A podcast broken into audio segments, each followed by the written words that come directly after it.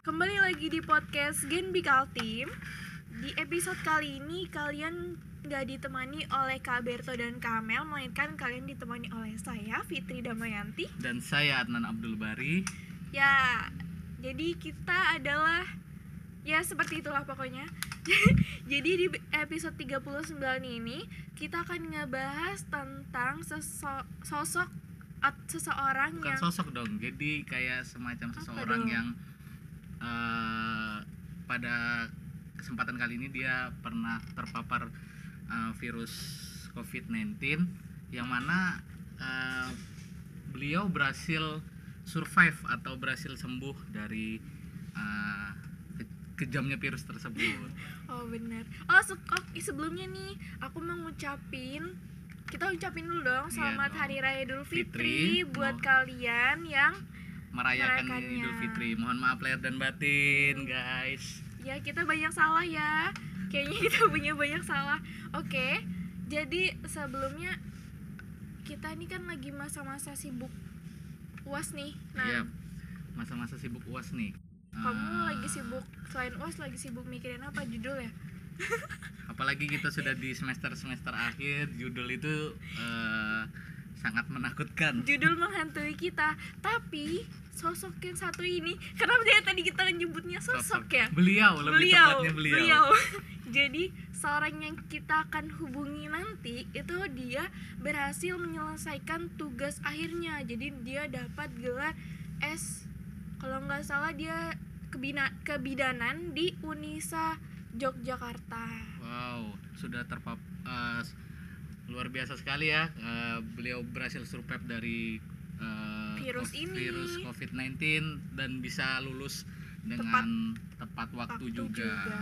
Oke. Kalau gitu nggak usah basa-basi kita langsung hubungin aja Kak Alisanya. Eh Kak Alisa namanya itu Siti Nurhaliza, biasa dipanggil Ica.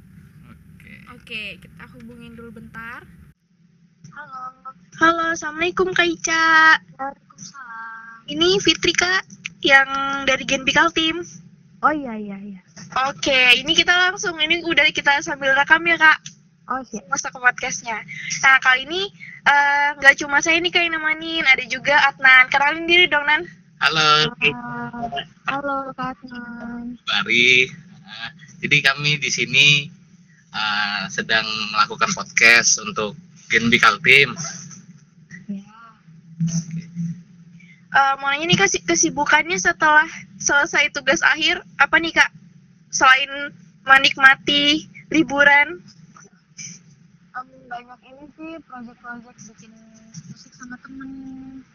Juga bergabung sama gerakan sosial untuk peduli covid di daerah saya sih. oh jadi nih kakak lagi menetap di mana ya kak? Gimana? lagi menetap di Berau Iya di Brau. lagi di Berau oke. Eh, sedikit cerita nih kak. Kita pengen tahu gimana sih kok bisa eh, gejala awal kayak kakak dinyatakan kena reaktif? Itu gimana sih kak ceritanya waktu kakak nyampe ke ke Berau ya baru kena reaktif ya kak ya? Iya iya benar-benar. Eh, jadi ceritain. Jadi sebenarnya kemarin kan memang kuliah di Yogyakarta, terus pulanglah ke Berau, Eh, naik pesawat, pulang ke Berau, sempat tiga hari di rumah, terus malamnya di tanggal 2 April itu ngerasain sakit perut sama muntah. Dan itu akhirnya dibawalah ke IGD karena udah jujur perjalanan di Yogyakarta uh, langsunglah diisolasi di situ. Dan juga ada beberapa ini sih beberapa pertimbangan dari dokter. Karena sempat sempat demam memang sempat demam. Dan sempat diare juga. Akhirnya diisolasi lah. Dan dilakukan swab. Itu eh, banyak yang bilang nih kak swab itu sakit. Di swab itu sakit nggak sih kak sebenarnya? Em, sebenarnya bu- bukan lebih ke sakit sih ketidaknyamanannya sih karena ini ya pipa walaupun sekitar lebih pipanya itu sih lumayan ya uh, dimasukin ke hidup berdua rasanya tuh kayak tembus ke tenggorokan ada juga yang, juga yang bilang rasanya kayak tembus ke otak ya kayak gitu deh oke okay. oh jadi pas dapet hasilnya itu waktu butuh berapa minggu atau berapa hari kak? Nah kalau untuk saat ini di bulan ini itu kita belum punya lab. Bahkan untuk lab yang di balik papan itu belum bisa kita pakai. Maksudnya kita belum mengirimkan sampel ke sana. Jadi sampel untuk hasil swab itu kita dikirimkan ke Surabaya. Nah minimal 4, eh, minimal 10 hari untuk hasilnya keluar. Dan catatan untuk harus dibebaskan atau dinyatakan pos, eh, sembuh dari COVID itu harus dua kali swab negatif. Oke. Jadi selama isolasi itu di apa ya kak? Maksudnya kondisi selama di isolasi itu kakak di bareng sama pasien lain atau ditempatin di tempat sendiri atau gimana? Sebenarnya tanggal 2 April itu masuk bukan langsung positif tapi masih pasien PDP sudah di swab dua kali hasilnya eh, negatif yang pertama terus dipulangin sempat dipulangin sempat tiga hari di rumah. Nah eh, tanggal 19 ditelepon lagi kalau hasil yang kedua itu bayang-bayang. Akhirnya baliklah ke rumah sakit dan diisolasi. Di situ baru dinyatakan positif. Saat menjadi pasien PDP yang kemarin yang pertama diisolasi itu satu kamar dua orang sih sama-sama wanita. Dan umumnya sepantaran. Terus eh, saat dinyatakan positif atau isolasi yang kedua itu satu ruangan sendiri Eh, semuanya satu ruangan sendiri untuk yang pasien positif alhamdulillahnya itu Oke, Eh, untuk kan dua kali swab nih kak untuk bisa dinyatakan positif. Nah untuk yang pertama itu kan masih dinyatakan PDP itu eh, perasaannya kakak mas eh, dinyatakan PDP itu gimana? Mungkin eh, ada teman-teman sekitar yang eh, mungkin apa menjauhi atau gimana gitu? Saat dinyatakan PDP kemarin sempat menyembunyikan diri dari sosial sih sempat menarik diri. Jadi sempat nggak main Instagram nggak main akun media sosial apa pun. Sempat stres sedikit tapi nggak begitu Eh, tapi teman-teman semuanya dukung. Lama-lama identitas yang disembunyikan akhirnya terkuak karena memang eh, lingkupnya memang kecil ya jadinya. Iya benar. dan teman juga banyak jadinya ya terkuak dan ya sudah mulai eh, menunjukkan diri ya nggak apa-apa. Menunjukkan kalau ini bukan aib. Oke benar. Benar banget tuh kak karena banyak pasien-pasien di sana yang kayak takut minder, takut dijauhin, takut dimusuhin gitu kan kak, maksudnya Iya, ibu dimusuhin nah, kayak anak TK dia. aja dimusuhin, jadi kayak takut gitu kan kak. Nah iya benar. ini ngomong-ngomong kakak juga habis menyelesaikan waktu terpapar eh, COVID itu lagi sibuk menyelesaikan tugas akhir kan kak? iya iya. Nah bener banget tuh kita sampai kepikiran banget. Eh, gimana caranya gitu supaya bisa tetap. eh, tetap menyelesaikan tugas akhir walaupun eh, sedang diisolasi gitu. Karena kan kalau biasanya diisolasi itu eh, mungkin se apa pemikiran orang banyak yang bilang nggak boleh ngapa-ngapain mungkin berbaringan aja atau gimana gitu Em, sebenarnya isolasi itu nggak seburuk apa yang dipikirkan di bayang-bayangan orang-orang sih. Karena isolasi itu kita bebas mau ngapain aja cuman tidak boleh terlalu capek atau tidak boleh makan yang pantangan ibaratnya kalau ada riwayat penyakit bawaan itu dilarang. Ada beberapa makanan yang dipantang. Nah karena memang kondisi saat itu di akhir semester ya dan semester eh, harus nyusun tugas akhir, perawat dan dokter sudah pasti sangat mendukung. Awal nggak semudah itu sih sebenarnya. Awalnya memang sempat depresi setelah dinyatakan positif sampai segala psikiater diberi obat ini itu. Sempat mikir ah kayaknya aku nggak bisa nih nggak bisa nih ngerjain nggak akan bisa. Mikirin fisik mikirin mental aja belum selesai nih. Gimana? Bener Iya, banget bener bener jadi apa sih kak? Nah, gitu motivasi kakak yang apa? Atau kak ada satu nih motivasi yang bikin kakak harus kayak bilang ah nggak kita harus semangat nih harus semangat nih gitu. Kita harus aku harus Benar. bisa. Itu ada nggak sih kak motivasi tersendiri bagi kakak buat menyelesaikan tugas akhir terus tetap bertahan kayak gitu? Nah itu dia.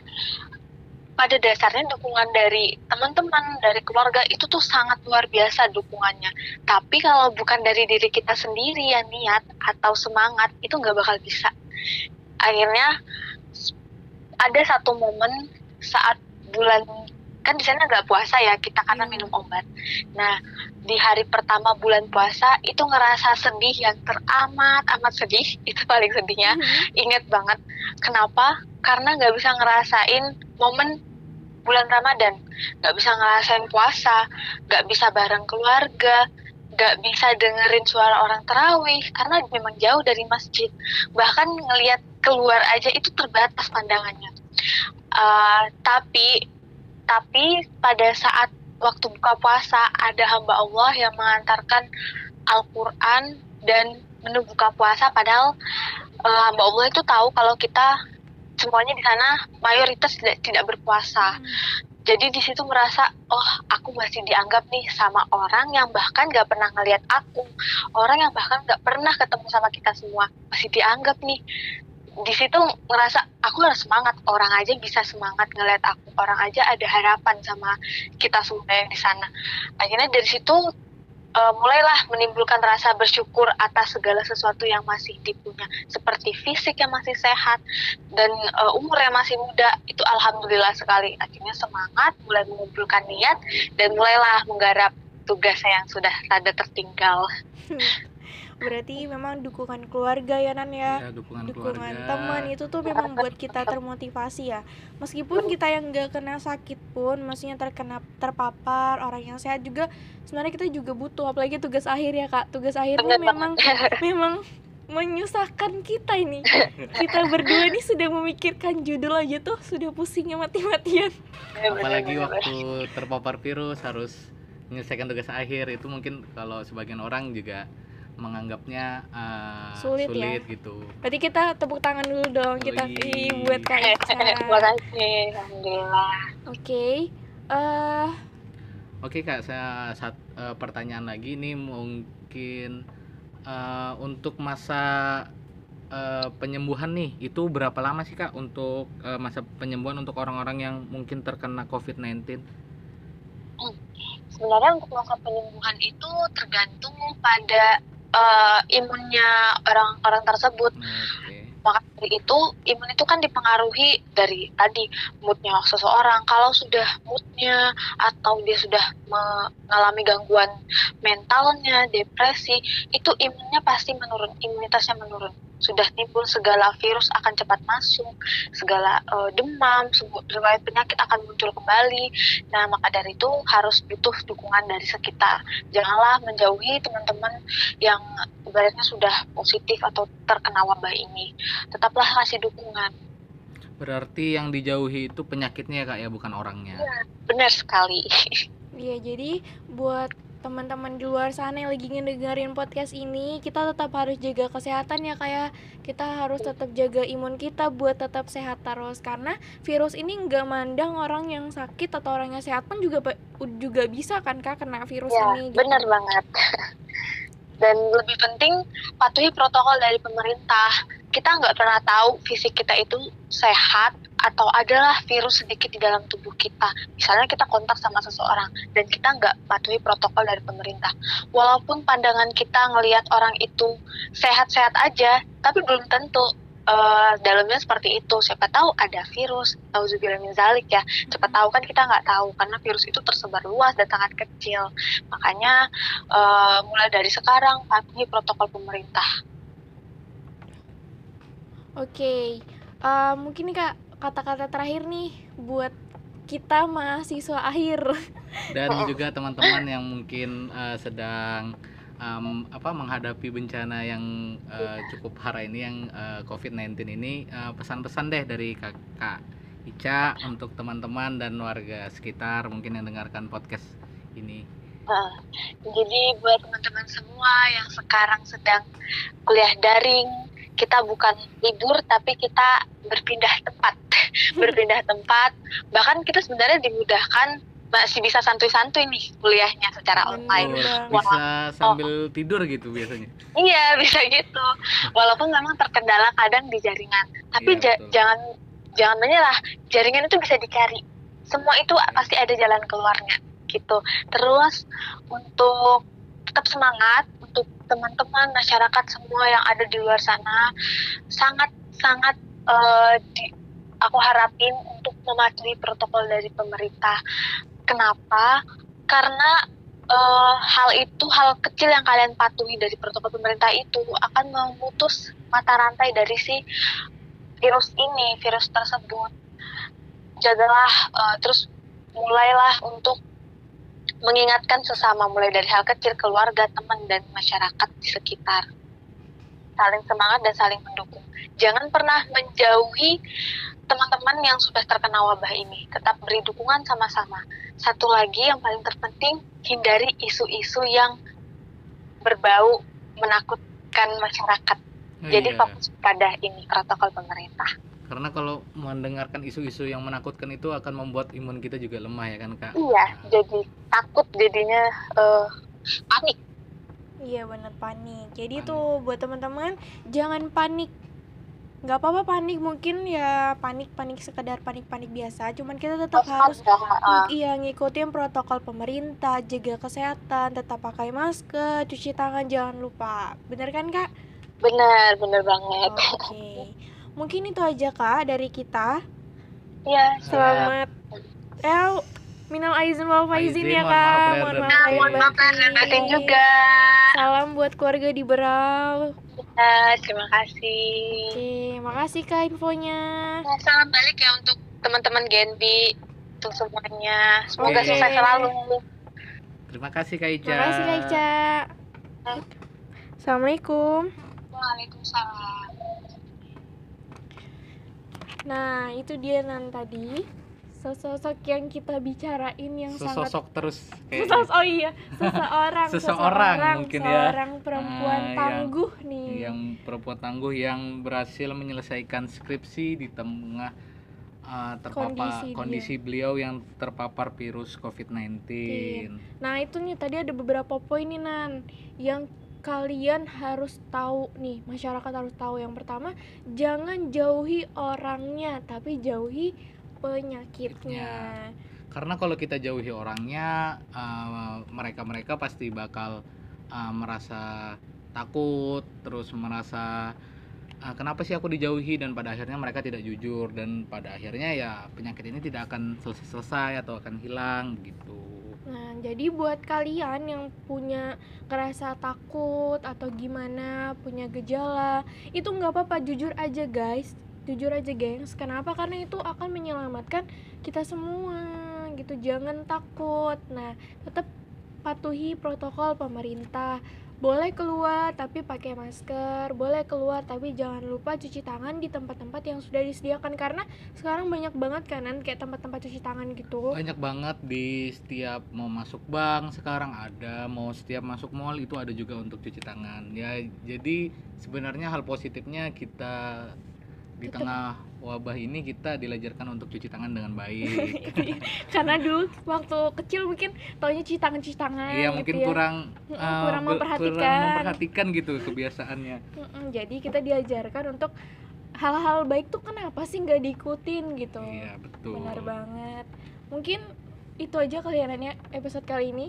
Atau Ah. Anan punya apa lagi tips-tips apa lagi yang mau dibagikan mungkin eh, di episode-episode selanjutnya aja ya. Oh mungkin di episode Mm-mm. selanjutnya. Mungkin kalian juga udah pada sibuk mau ngelanjutin ak- aktivitas kuliah daring gitu kan. Tugas-tugas uas menanti kalian. Semangat. Tetap tetap semangat semangat. Meskipun pusing sakit kepala tapi nggak apa-apa. Kita pasti bisa ngelewatin ini semua. Oke. Oke mungkin itu aja dari kami. See you Ah. di next episode ya dengan dengan uh, materi-materi yang- materi-materi dan pembicara-pembicara yang lebih yang- bagus lagi mungkin dari yang- kami. yang luar biasa Ya mungkin itu saja. Uh, saya Adnan Abdul Bari. saya Fitri Damayanti pamit undur diri Ya wassalamualaikum warahmatullahi, Warahmatullahi wabarakatuh. wabarakatuh. Terima kasih.